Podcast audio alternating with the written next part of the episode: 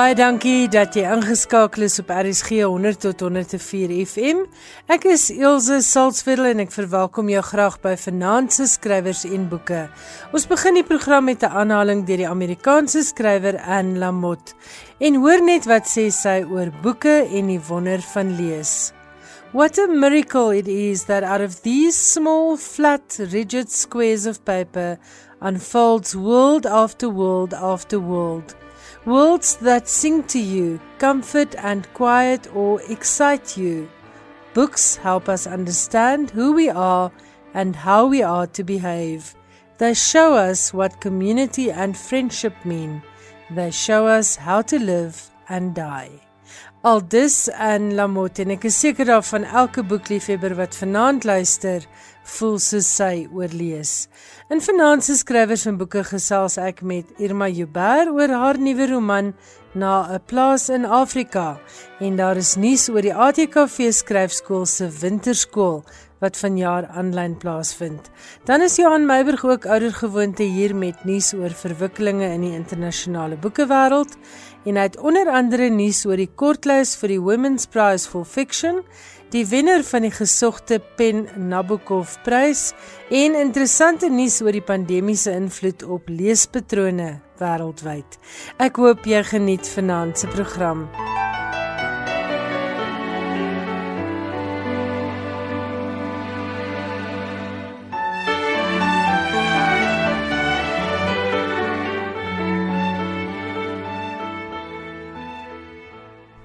Dis vir my heerlik om vanaand weer vir Irma Joubert hier by Skrywers en Boeke te verwelkom. Irma is nie net 'n goeie skrywer nie, maar ook 'n bewys daarvan dat dit nooit te laat is om 'n mens se drome na te jaag nie. Irma was 35 jaar lank 'n onderwyseres en het eers na haar aftrede in 2004 begin skryf. Na verskeie artikels en kortverhale in tydskrifte en 'n toekenning in 2005 as Media24 se spesialisjoernalis van die jaar, het sy haar hand gewaag aan historiese romans. Twee van haar trilogieë, die Tussenstasies trilogie en haar Pontenilo trilogie, asook die eerste boek van haar oorlogstrilogie, getiteld Immer Wes, is in Nederlands vertaal waar dit telkens onder die topverkopers in die land is. Vier van haar boeke is reeds in Duits vertaal en HarperCollins in Amerika het Tussenstasies in 2015 wêreldwyd gepubliseer as The Girl from the Train. In finansie program gesels ek met haar oor haar splinternuwe roman Na 'n plaas in Afrika. Irma, goeienaand en baie welkom by Skrywers en Boeke. Dis heerlik om weer met jou te gesels en baie geluk ook met na 'n plaas in Afrika. Dit is die afsluiting van die trilogie oor die Tweede Wêreldoorlog wat begin het met Immerwes en Menke, kind van die Pasopkamp. Het jy van meet af aan 'n trilogie beplan? Goeienaand Ilse en goeienaand aan al die luisteraars. Dis heerlik om weer hier so saam met julle te kuier. Ja, ek het heel aan die begin nie trilogie werklik beplan nie. Ek het gedink ek wil 3 boeke skryf oor die 3 lande waar my voorsate vandaan kom. Jy weet, daar is nog steeds 'n geweldige gevoel tussen die Duitsers en die Nederlanders, veral van die Nederlandse kant af, oor die Tweede Wêreldoorlog.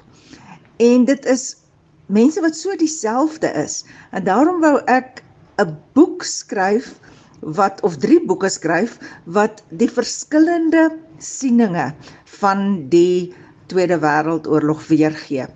Dis hoekom ek my eerste boek geskryf het, Immerwes uit ehm um, Hildegard se oogpunt. Sy was wel nie pro-nasie nie, maar haar man, haar een stiefseun en haar een eie seun was groot nasie-aanhangers. Die tweede boek is dan oor Nederland. Ehm um, Mentjie, kind van Pasopkamp En die derde boek oor Engeland want my ouma aan vaderskant kom van Duitsland af, my oupa aan vaderskant kom van Nederland af en my ma se beide ouers was basies maar van Engelse oorsprong. Nou terwyl ek besig was om nog te werk aan Immerwes, toe het Mentjie se verhaal na my toe gekom. En toe besluit ek, maar dit is die perfekte trilogie. En so nie heel van die begin af was dit 'n trilogie nie, maar ehm um, baie gou, voor ek nog begin skryf het aan Immerwes, was dit al 'n trilogie gewees. As ek nou reg onthou, is hierdie die eerste keer dat jy 'n seentjie as hoofkarakter gebruik. En dis natuurlik nie om dowe neete nie, want dit is gegrond op 'n storie waarmee jy groot geword het. Vertel vir ons van jou Charles, die karaktertjie in hierdie boek en die regte Charles op wie se lewe die karakter gebaseer is. Is hulle verhale identies? Weet jy Elsje, nou dat jy dit noem, jy's heeltemal reg. Ek het nog nooit so daaraan gedink nie en ek ken seentjies eintlik baie goed. Ek het self 3 seuns grootgemaak wat eers seentjies was en uh, ek het 4 kleinseuns en net een kleindogter. So ek behoort eintlik oor seentjies te skryf, né? Ja, maar hierdie storie kom ook al baie lank eintlik uit my kinderjare uit. Die persoon se naam was wel nie Charles nie, sy naam was Ellen Charles Heath. Toe gebruik ek maar net sy tweede naam en ek wou al lankal sy storie vertel het. Ek het hom geken as oom Ellen. Nou oom Ellen is as seentjie ontruim uit Londen uit aan die begin van die Tweede Wêreldoorlog na sy tante in 'n klein dorpie in Skotland. Dit was wel nie Eaglesham nie, een of ander ander dorpie, ek is nie seker watter een nie. Hy was baie lief vir Auntie Maud gewees en hy het sy die hele al die oorlogjare by haar deurgebring. Na die oorlog was omstandighede in Brittanje maar moeilik soos in die res van Europa terwyl dit baie beter was hier in Suider-Afrika, veral in die Britse kolonies. En daarom het sy tante hom gestuur na sy niggie. Nou sy niggie was getroud gewees met 'n persoon wat um in Swaziland gewerk het. Hy is toe soontoe gestuur. Haar naam was Enid en um hy het daar vir 'n rukkie gewoonlik gewerk, maar nie baie gelukkig gewees nie. En toe land hy op ons plaas. Hoe dit gebeur het is my pa het altyd jong mense gekry om op die plaas te kom help. Ons het 'n gemengde boerdery gehad van sitrus en uh, melkboerdery en varke. So dit was eintlik daar was nog honders ook. Dit was eintlik verskillende afdelings, selfs saailande. So ehm um, oom Ellen het toe daar geland en hy het op die ou end 'n mooi storie gehad want hy raak toe verlief op my pa se suster en sy op hom gelukkig. Ehm um, sy was 7 jaar ouer as hy. Sy was hoogs gekwalifiseer gewees terwyl hy nie matriek gehad het nie. En baie van die stories wat ek gebruik het in die verhaal, die het ook werklik gebeur. Byvoorbeeld, ek kan onthou hoe kwaad my ma vir my pa was dat sy vir oom Ellen gestuur het lank voor hy 'n bestuurslisensie gehad het om met die trok goed te gaan haal op die stasie. So die basiese verhaal is al jare by my, maar hierdie is nie sy grootword jare, is nie sy grootword verhaal nie. Dis my eie Charles se grootword verhaal. In hierdie boek stel jy die leser bekend aan 'n minder bekende deel van die Tweede Wêreldoorlog, naamlik die deel wat afspeel in die Sowjetunie in Siberië. Ek het geskiedenis as 'n matriekvak geneem, maar ek was glad nie bekend met hierdie deel van die Tweede Wêreldoorlog. Geskiedenis nie, dis die deel wat ons eintlik nie baie van hoor nie. Hoe het jou navorsing gewerk? Was jy byvoorbeeld in Rusland want ek weet jy reis graag vir jou navorsing? Die boek bestaan eintlik amper uit drie verhale, twee hoofverhale, twee hoofkarakters, Charles en Oswald en dan een bykarakter Elsa Hess. Die ehm um, geskiedenis van die Sowjetunie en veral die krygsgevangkampe in Sowjetunie kom ook uit my kinderjare en raai waaruit Gonzalek se boeke. Kyk, ek het die snydokter van Stalingrad en skerwe van die Eysterkruis en al daai pragtige verhale verslind. En ek het hulle nou weer gelees, hoor. Hulle het nie meer heeltemal dieselfde uitwerking op my gehad nie, maar ehm um, dit is nogtans in daardie tyd deur 'n Duitser geskryf. En dit is met ander woorde vir my 'n redelike basiese bron, nie van ehm um, feite nie, maar wel van hoe mense gevoel het en spesifiek hoe die Duitsers gevoel het. Nou die verhaal is van Oswald. Julle onthou Hildegard uit Immerwes het 'n stiefseun gehad, Os Oswald von Stein. Hy was net 'n baie aangename karakter nie, nê? Nee, mense het nie regtig van hom gehou nie. Ek het simpatie met hom gehad. Die arme kind het sonder 'n ma groot geword. Ehm um, en toe bring sy pa 'n vrou daaraan wat sy ma moes se plek moes neem. Sy het soos 'n jonger uitgawe van sy ma gelyk, maar dit was nie sy ma nie en hy was maar 'n rebelse, moeilike, onaangename karakter. Maar hy's toe weg Stalingrad toe en daar sy gevange geneem. En ons het hom 'n hele klomp jare gelede al daar gelos. Ons kon hom regtig nie nog steeds in daai koue sneeu van uh Siberië los nie. Toe ek hom gaan haal en met hom die pad geloop. En soos dink ek wat met enige persoon gebeur wat onder daai verskriklike omstandighede moet lewe, het hy ook maar verander. En selfs bietjie mens erns in homself ontdek. Ja, en ek begin dit ek regtig nie van hom gehou nie, maar ek het nog altyd redelik simpatie met hom gehad en aan die end word hy heeltemal 'n ehm um, meer aangename karakter, laat ons dit so stel. Ek was nie in Rusland gewees nie. Ek kon niemand oortuig snaaks genoeg om in die winter saam met my Siberië toe te gaan nie. My familie wou net nie saamwerk nie en hulle sê ek is te oud om dit alleen te doen. So toe ek nou maar ehm um, teruggeval op 'n boek, 'n wonderlike boek wat Jan Jan my seun vir my gegee het wat hy bestel het. Ek dink hy het Amerika waar ook al, maar in ieder geval die boek is After Stalingrad en dit is die dagboek van 'n Duitse krygsgevangene oorspronklik in Duits geskryf deur Adalbert Hall, maar um, ek het natuurlik die Engelse weergawe gelees. Hy was vir 7 jaar 'n Sovjet prisoner of war dit is 'n nie 'n maklike boek om te lees nie. Dit is eintlik 'n ontstellende boek om te lees. 'n Mens lees 'n stukkie en dan sit jy hom eers neer en probeer die omstandighede verwerk en die die absolute menslike lyding in hy het nie teruggehou nie. So dit was my moeilike skryfwerk daardie. Maar uitdagend. Partykeer het 'n mens maar 'n bietjie uitdaging ook nodig. Dis natuurlik 'n lywige boek. So ek moes kies wat ek moet insit en wat ek moet weglaat. Die boek in die eh, werklikheid was hulle geskuif na ag 2 3 kampe 'n jaar. Nou ek het nie soveel hoofstukke gehad vir daardie episode nie. So ek het 3 kampe gekies waar hy heen moes gaan en sekere episodes het ek wat ek baie aangrypend gevind het, het ek gedink my leser sal ook aangrypend vind en dan het ek hulle gekies. So alles wat daar gebeur is waar en daar skokkende goed gebeur.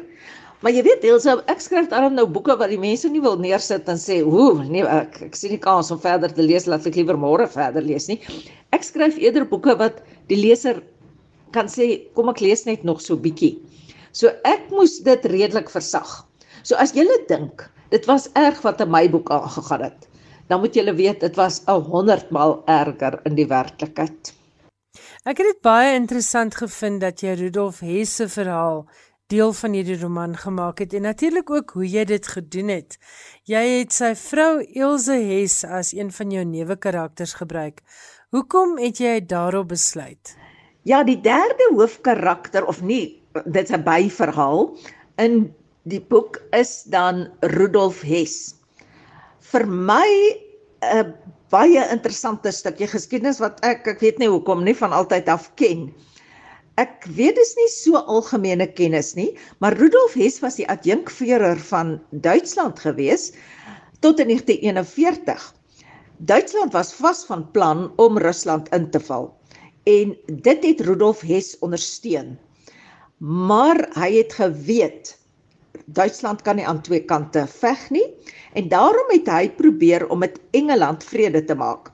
Hitler wou nie daaraan byt nie. Hitler het geglo Engeland sal byt nie bly waar hulle is. Hulle te groot geskrik by Dunkirk en ehm um, daarom het Rudolf Hess besluit om alleen 'n solo vlug in 1941 van Duitsland af tot in Skotland te doen um, om te gaan probeer vrede maak.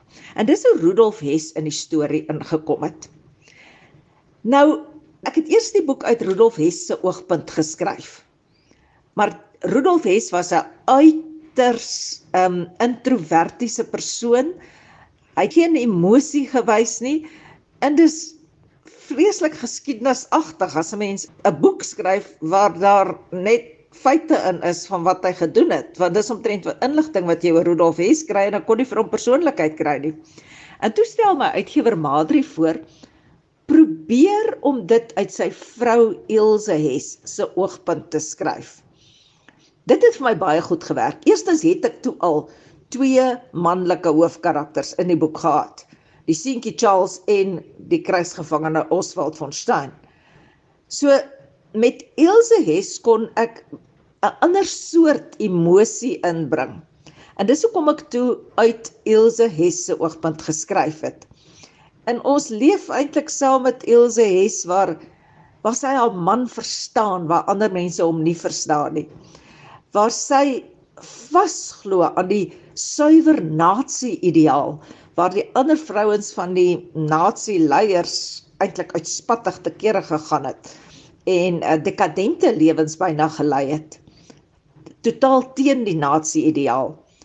En ons sien haar eensaamheid en hoe sy probeer uitreik na haar man en ja, dit sy was net vir my ook 'n baie lekker, lekker karakter om mee te werk. En dis hoekom Ilse het op die ou end as mindere karakter in die boek ingekom het. Dankie Irma. As jy daar by die huis nou pas ingeskakel het, ek is Elsje Saltzveld. Jy luister na skrywers en boeke op RSG en my gas is Irma Jubber. Ons gesels oor Irma se nuwe roman Na 'n plaas in Afrika. Irma, vertel asseblief meer oor jou besoek aan Eaglesham in Skotland waar Charles en Rudolf Hess se paie op 'n baie slim manier kruis.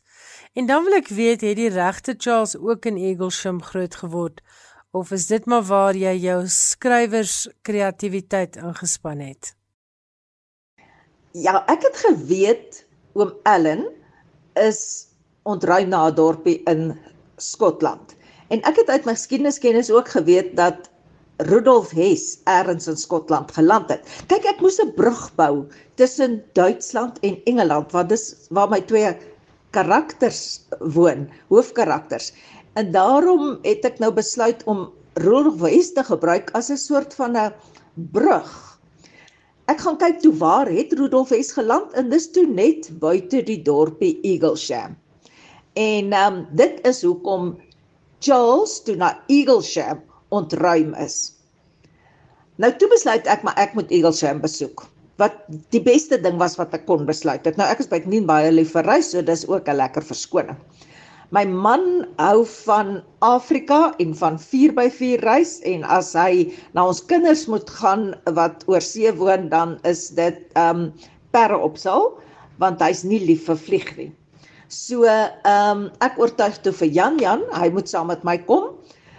En ehm um, ons is toe Eaglesham, toe onder andere, ons het ook ander plekke heen gegaan. En ek was bitter bly op die ou end hy het ek het hom self geneem want ek soek toe eerstens 'n gids wat vir ons Eaglesham kan wys en veral Rudolf Hess se landing kan daarop konsentreer. Maar die gidse wat ek kon kry het minder geweet as ek.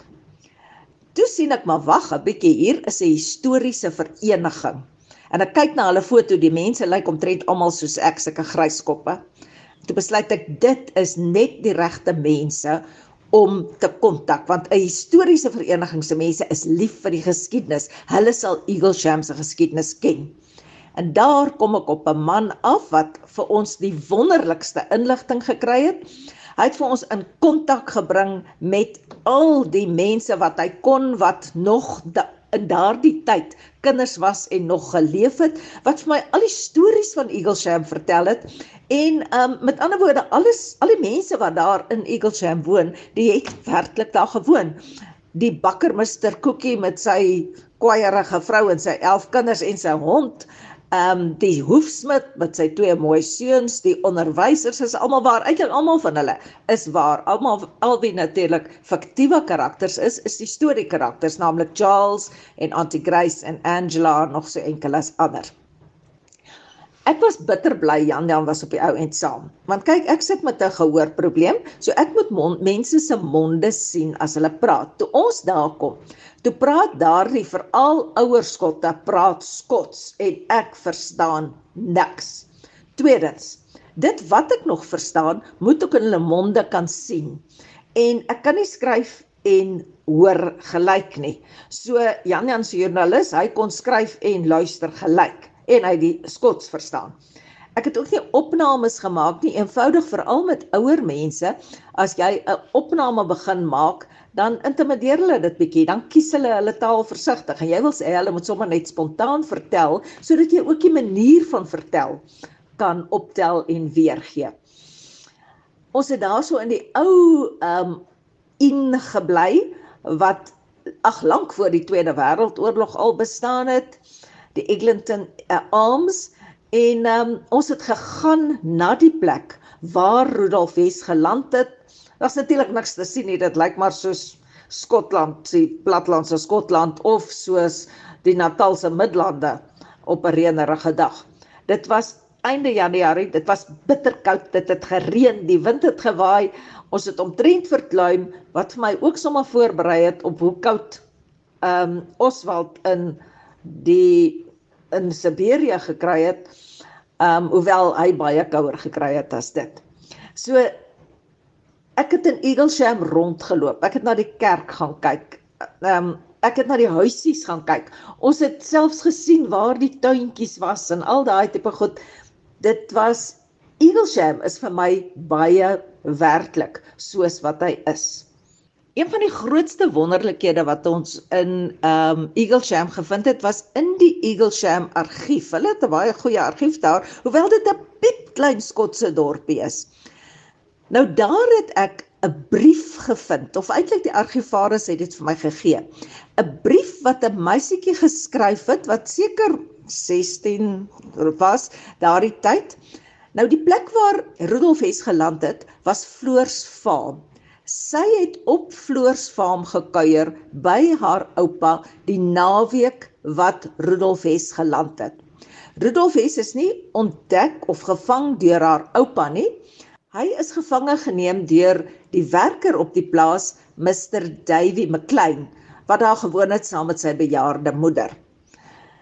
En alles wat daardie naweek gebeur het, het die meisietjie in haar brief aan haar vriendin vertel sy die donderdag na die landing Rudolf het sy die saterdag nag gelaat die donderdag na die landing het sy alles vir haar vriendin vertel. So as ek sê die BBC mense het daar aangekom sonndagmiddag 3 uur dan het dit werklik so gebeur. Dit was my 'n kosbare primêre bron wat ek kon vind Nog 'n vraag. Hoekom het jy besluit om Botswana land, uh, deesdae Botswana, ook vlugtig by die storie in te werk. My idee aanvanklik met die trilogie was om die drie eertydse kolonies wat aan hierdie lande behoort het in te bring. Die rede daarvoor was dat die Namibiërs vir my gesê het, "Hey Irma, ons lees al jou boeke en jy skryf oor nooit oor Namibië nie." So Hildegard het na Namibië gegaan. Mentjie het na Suid-Afrika gekom wat eintlik aanvanklik maar 'n Nederlandse kolonie was. Dis waar ons taal ook maar vandaan kom. En Charles het na Botswana land, deesdae Botswana gegaan wat 'n Britse kolonie was.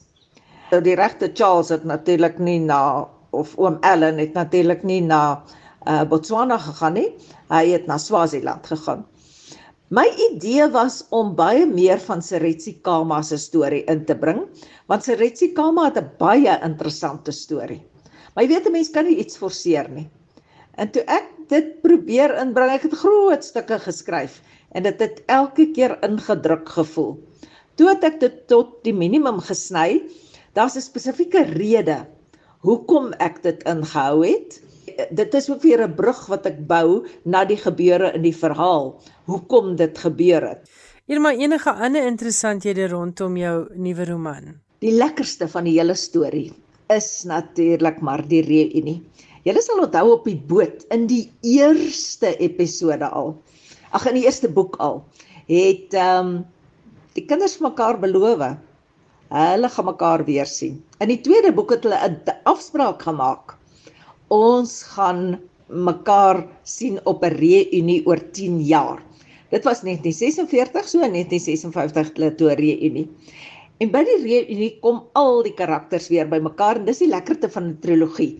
Dan kry mens weer vir Hildegard en vir Gustav en klein Esther. Sy's nou 'n tiener hoor, maar as Strand 'n tiener, ek het dit geweet. Ek wou vir Hildegard sê as jy daai dogtertjie nie bietjie dissiplineer nie, gaan sy hande uitdruk, maar sy's heeltemal 'n oulike tiener, ek moet erken. Um ons ontmoet vir Mentjie en vir Tinus, kyk wat met hulle gebeur het. Ons ontmoet natuurlik weer vir Charles, so almal daar is bymekaar. Dit was baie heerlik om almal weer te ken en dan wag daar enkele ander verrassings ook in die slot. Ek hoop die lesers geniet dit. En dan natuurlik, ek weet mens kan nie 'n skrywer vra wat presies gebeur volgende nie, maar ek weet jy's lief vir geskiedenis. Is daar nou 'n nuwe hoofstuk in ons geskiedenis wat jy wil verken? Jong Ilse, ja, daar's altyd maar baie stories wat volg. Jy weet, die geskiedenis is so vol stories. Hier's sorry, history, so uh, al die stories wag vir my.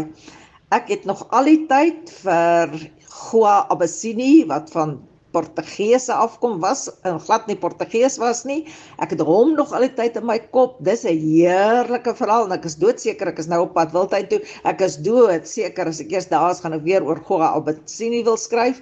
Ek het 'n lieflike verhaal van 'n Libanese ehm um, gesin wat uitgekom het Suid-Afrika toe baie mooi geskryf, opgeteken ook wat ek miskien tog aan wil werk. Daar wag natuurlik miskien die 1918 griep. Ek het al so begin met navorsing vir al drie, so ek sal maar sien wat broei uit. Kom ons sê ek is al reeds besig om te dink en 'n bietjie navorsing te doen. Ek het gesels met Irma Joubert en ons het gesels oor haar roman na 'n plaas in Afrika. Dit word uitgegee deur Lapa Uitgewers. Jy is ingeskakel op RSG. Hierdie is skrywers en boeke en ek is Elsje Salzwetel. Baie dankie dat jy nog steeds saam met ons vir die radio kuier. Nou ja, as Irma Joubert met wie ek in die eerste helfte van vanaand se program gesels het, jou dalk laat nadink het oor jou eie skryfdrome, hier is die ideale geleentheid om aan jou skryfvaardighede te slyp. Die ATKV skryfskool van die Noordwes Universiteit is een van die beste skryfskole in die land en dit is al in 1985 vir die eerste keer aangebied. En dit is ook toevallig die skryfskool waar Irma Joubert en omtrent 50 ander gevestigde skrywers se talent vir die eerste keer werklik raak gesien en ontgin is. Weens COVID gebeur dinge vanjaar so bietjie anders tydens die beplande winterskryfskool, maar dis ook 'n wonderlike manier om dit meer toeganklik te maak vir meer mense. En jy hoef nie eers die gerief van jou eie huis te verlaat nie. Vanjaar se winterskool word op 3 opeenvolgende Saterdae in Junie aangebied, naamlik 5, 12 en 19 Junie. Bekende skrywers en toonaangewende uitgewers van Afrikaanse fiksie en personeel van die ATKV skryfskool gaan optree as sprekers, werkswinkelaanbieders en groepsessieleiers en vanjaar gaan die kollig val op verhale en gedigte. Die werkswinkel sal gelei word deur die bekroonde skrywers François Smith wat gaan praat oor die skryfproses, Ingrid Winterbag wat verantwoordelik is vir 'n deel oor die verhaalkuns en Bernard Odendaal, 'n ervare digter wat ook goed bekend is aan RSG luisteraars. En Bernard gaan die werkswinkel oor die digkuns lei. Ander bekroonde skrywers wat ook boeiende geselsers is, gaan ook 'n draai kom maak by die aanlyn skryfskool en uitgewers gaan kom gesels oor wat hulle verwag van skryfwerk wat die paal gaan haal by die manuskripkeerders. Tydens die werkswinkel sal kursusgangers kan slyp aan die pennevrugte wat hulle by inskrywing moet voorlê. Maar jy gaan moet opskit as jy nog wil inskryf want ek glo die plekke word vinnig gevul. Skakel dus onverwyld met Kobie van Aswegen. Jy kan haar bel by 018 018 2991783. Dit is Kobie van Aswegen. Dit is natuurlik 'n kantoorure nommer. As jy vir haar 'n e-pos wil stuur, haar e-posadres is kobie.vanaswegen@nwu.ac.za. Kobie van Aswegen se adres net weer kobie.vanaswegen@nwu.ac.za www.rsg.za. En dit is nou as jy die ATKV skryfskool aan die NWU se winterskryfskool wil bywoon. Dit vind plaas op 3 opeenvolgende Saterdag 5, 12 en 19 Junie en alles gebeur aanlyn. Skrywers en boeke. Alles wat jy oor die boekewêreld wil weet en meer. Nou is dit tyd vir Johan Meiburg om ons meer te vertel oor vanjaar se 6 finaliste vir die Women's Prize for Fiction. Die ongekende stappe wat 'n uitgewer geneem het teen die skrywer Blake Bailey, die wenner van die gesogte Pen Nabokov Prys en 'n internasionale peiling oor mense se leesgewoontes en hoe dit verander het tydens die COVID-19 pandemie. Ek gee nou graag die mikrofoon vir Johan. Die kortlys van 6 romans wat vanjaar meeding om die Women's Prize for Fiction is onlangs bekend gemaak en Bernadine Evaristo, sameroeper van die paneel, het na die 6 boeke verwys as die lewens waarvan jy nog nie voorheen gelees het nie. Die 6 boeke is The Vanishing Half deur Brit Bennett, Piranesi deur Susanna Clarke, Unsettled Ground deur Claire Fuller, Transcendent Kingdom deur Yagi Hasi, How the One-Armed Sister Sweeps Her House deur Cherie Jones, En no one is talking about this deur Patricia Lockwood. Die prys word jaarliks toegeken aan 'n uitmuntende, ambisieuse en oorspronklike roman deur 'n vroue skrywer. Ons oogmerk was om voorkeur te gee aan boeke wat die leser blootstel aan die soort stories wat nie algemeen vertel word nie, het Evaristo aan The Guardian gesê en verwys na Claire Fuller se vierde roman Unsettled Ground Die verhaal van 'n middeljarige tweeling wat in afsondering in landelike Wiltshire groot geword het. Sherry Jones se debuut, How the One-Armed Sister Sweeps Her House, 'n verhaal van moord, misbruik en geweld in 'n gemeenskap in Barbados, en Yagi Yasi se tweede roman, Transcendent Kingdom, die verhaal van Ghanese immigrante in die Amerikaanse suide. Al drie die boeke gaan oor mense in gemarginaliseerde gemeenskappe en daar word vars met die gegewe omgegaan, het Evaristo gesê. Brit Bennett se tweede roman, The Vanishing Half, is nog 'n verhaal van 'n identiese tweeling, twee Afro-Amerikaanse susters met die een wat in die geheim deurgaan as wit. Die beoordelaars het die boek beskryf as 'n sielkundig komplekse boek. Susanna Clarke, skrywer van die topverkoper fantasieroman Jonathan Strange and Mr Norrell, is op die kortlys vir haar tweede roman Piranesi, 'n boek wat Evaristo beskryf as uiters oorspronklik en verruimend, pure fantasie. No one is talking about this is Patricia Lockwood se debuutroman oor die botsing tussen werklikheid In die virtuele wêreld in die lewe van 'n vrou wat bekend is vir haar plasings op sosiale media en waarmee sy wêreldwyd aandag trek.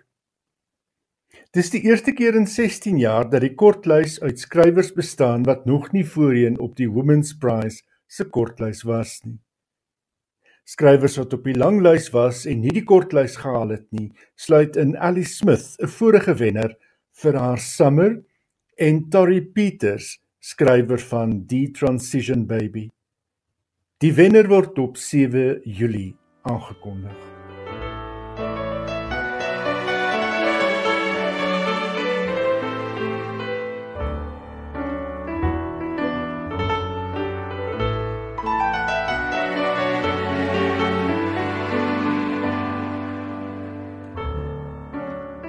Die Amerikaanse uitgewer WW Norton het intussen aangekondig dat hy alle bande breek met Blake Bailey, skrywer van 'n Philip Roth The Biography.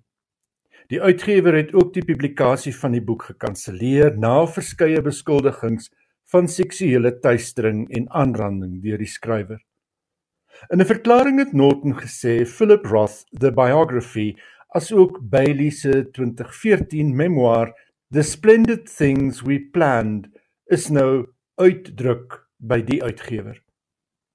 Bailey ontken die aanklagte teen hom. Sy prokureur het die uitgewer se besluit veroordeel en daarop gewys dat die biografie steeds in die buiteland te koop is. Norton het die drastiese en eensydige besluit geneem gegrond op valse en ongegronde beskuldigings, het Billy Gibbons, Bailey se prokureur gesê. Suzanne Nossel, uitvoerende hoof van Pen America, het gesê sy is besorg oor Norton se besluit en dat dit 'n gevaarlike presedent kan skep. As ons die maatstaf end uit moet toepas, is daar duisende boeke wat in die slag gaan bly, het sy gesê.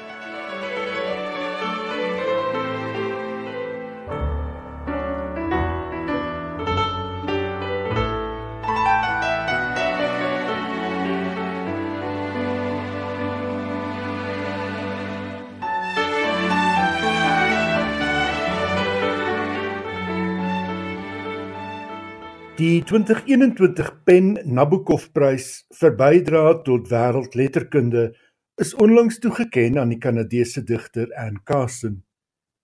Die prys dra heelwat gesag in die letterkunde en bekroon nie net oorspronklikheid nie, maar ook verfynde vaardigheid. Carson het in 2001 met haar bundel The Beauty of the Husband, a fictional essay in 29 tangos, die eerste vrou geword om die T.S. Eliot Prys vir poësie te verower. Sy het bekendheid verwerf vir haar kennis van die klassieke en vertalings uit Latyn. Daarbey het haar werk dikwels 'n speelse karakter en oorskry sy graag grense sover dit genre, benadering en formaat betref. Sy is so bekwame in vertaalwerk soos sy is in die skryf van essays, fiksie en nie-fiksie, prosa en poësie en dikwels vloei die een in die ander.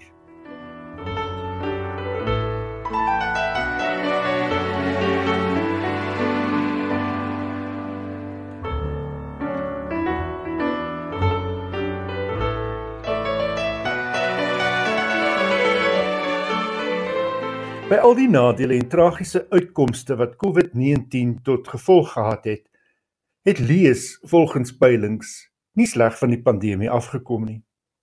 Mense het duidelik meer vrye tyd gehad volgens peilings wat in die aanloop tot Wêreldboekedag op 23 April gedoen is. In Brittanje het mense wat aan die peiling deelgeneem het, laat blyk dat hulle tot dubbel soveel tyd aan lees bestee het as voor inperkings.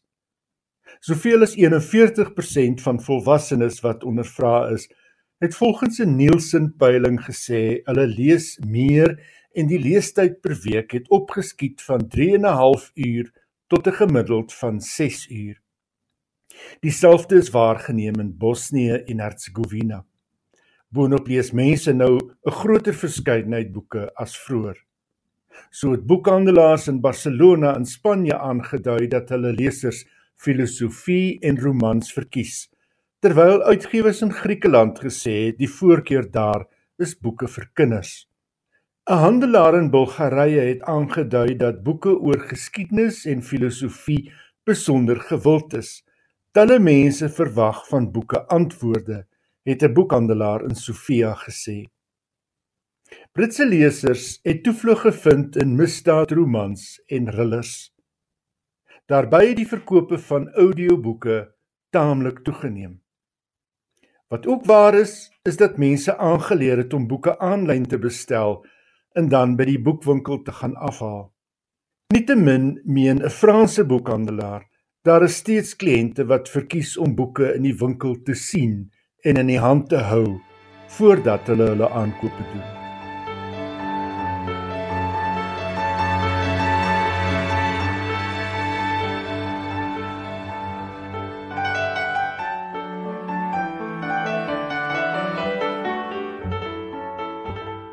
En nou dat Johan Meiberg ons weer herinner het aan die gewildheid van lees, onthou gerus dat boeke wonderlike geskenke maak en ek sê dit omdat Moedersdag om die draai is en Vadersdag volgende maand gebeur. As jy nog nie 'n geskenk het nie, oorweeg gerus 'n boek. Boeke bring vir baie lank vreugde, dit verwelk nie soos blomme nie. Dit laat nie jou bloeddruk of jou bloedsuiker styg soos biltong of sjokolade nie en dit kan boonop met ander mense gedeel word as die leser eers klaar is daarmee. En natuurlik, dit kan geherlees en oor en oor geniet word. En as jy onseker is oor die persoon vir wie jy dit wil gee se leesmaak, gee gerus 'n geskenkbewys van 'n boekwinkel en ondersteun dan ook sommer 'n klein besigheid tydens hierdie moeilike tyd.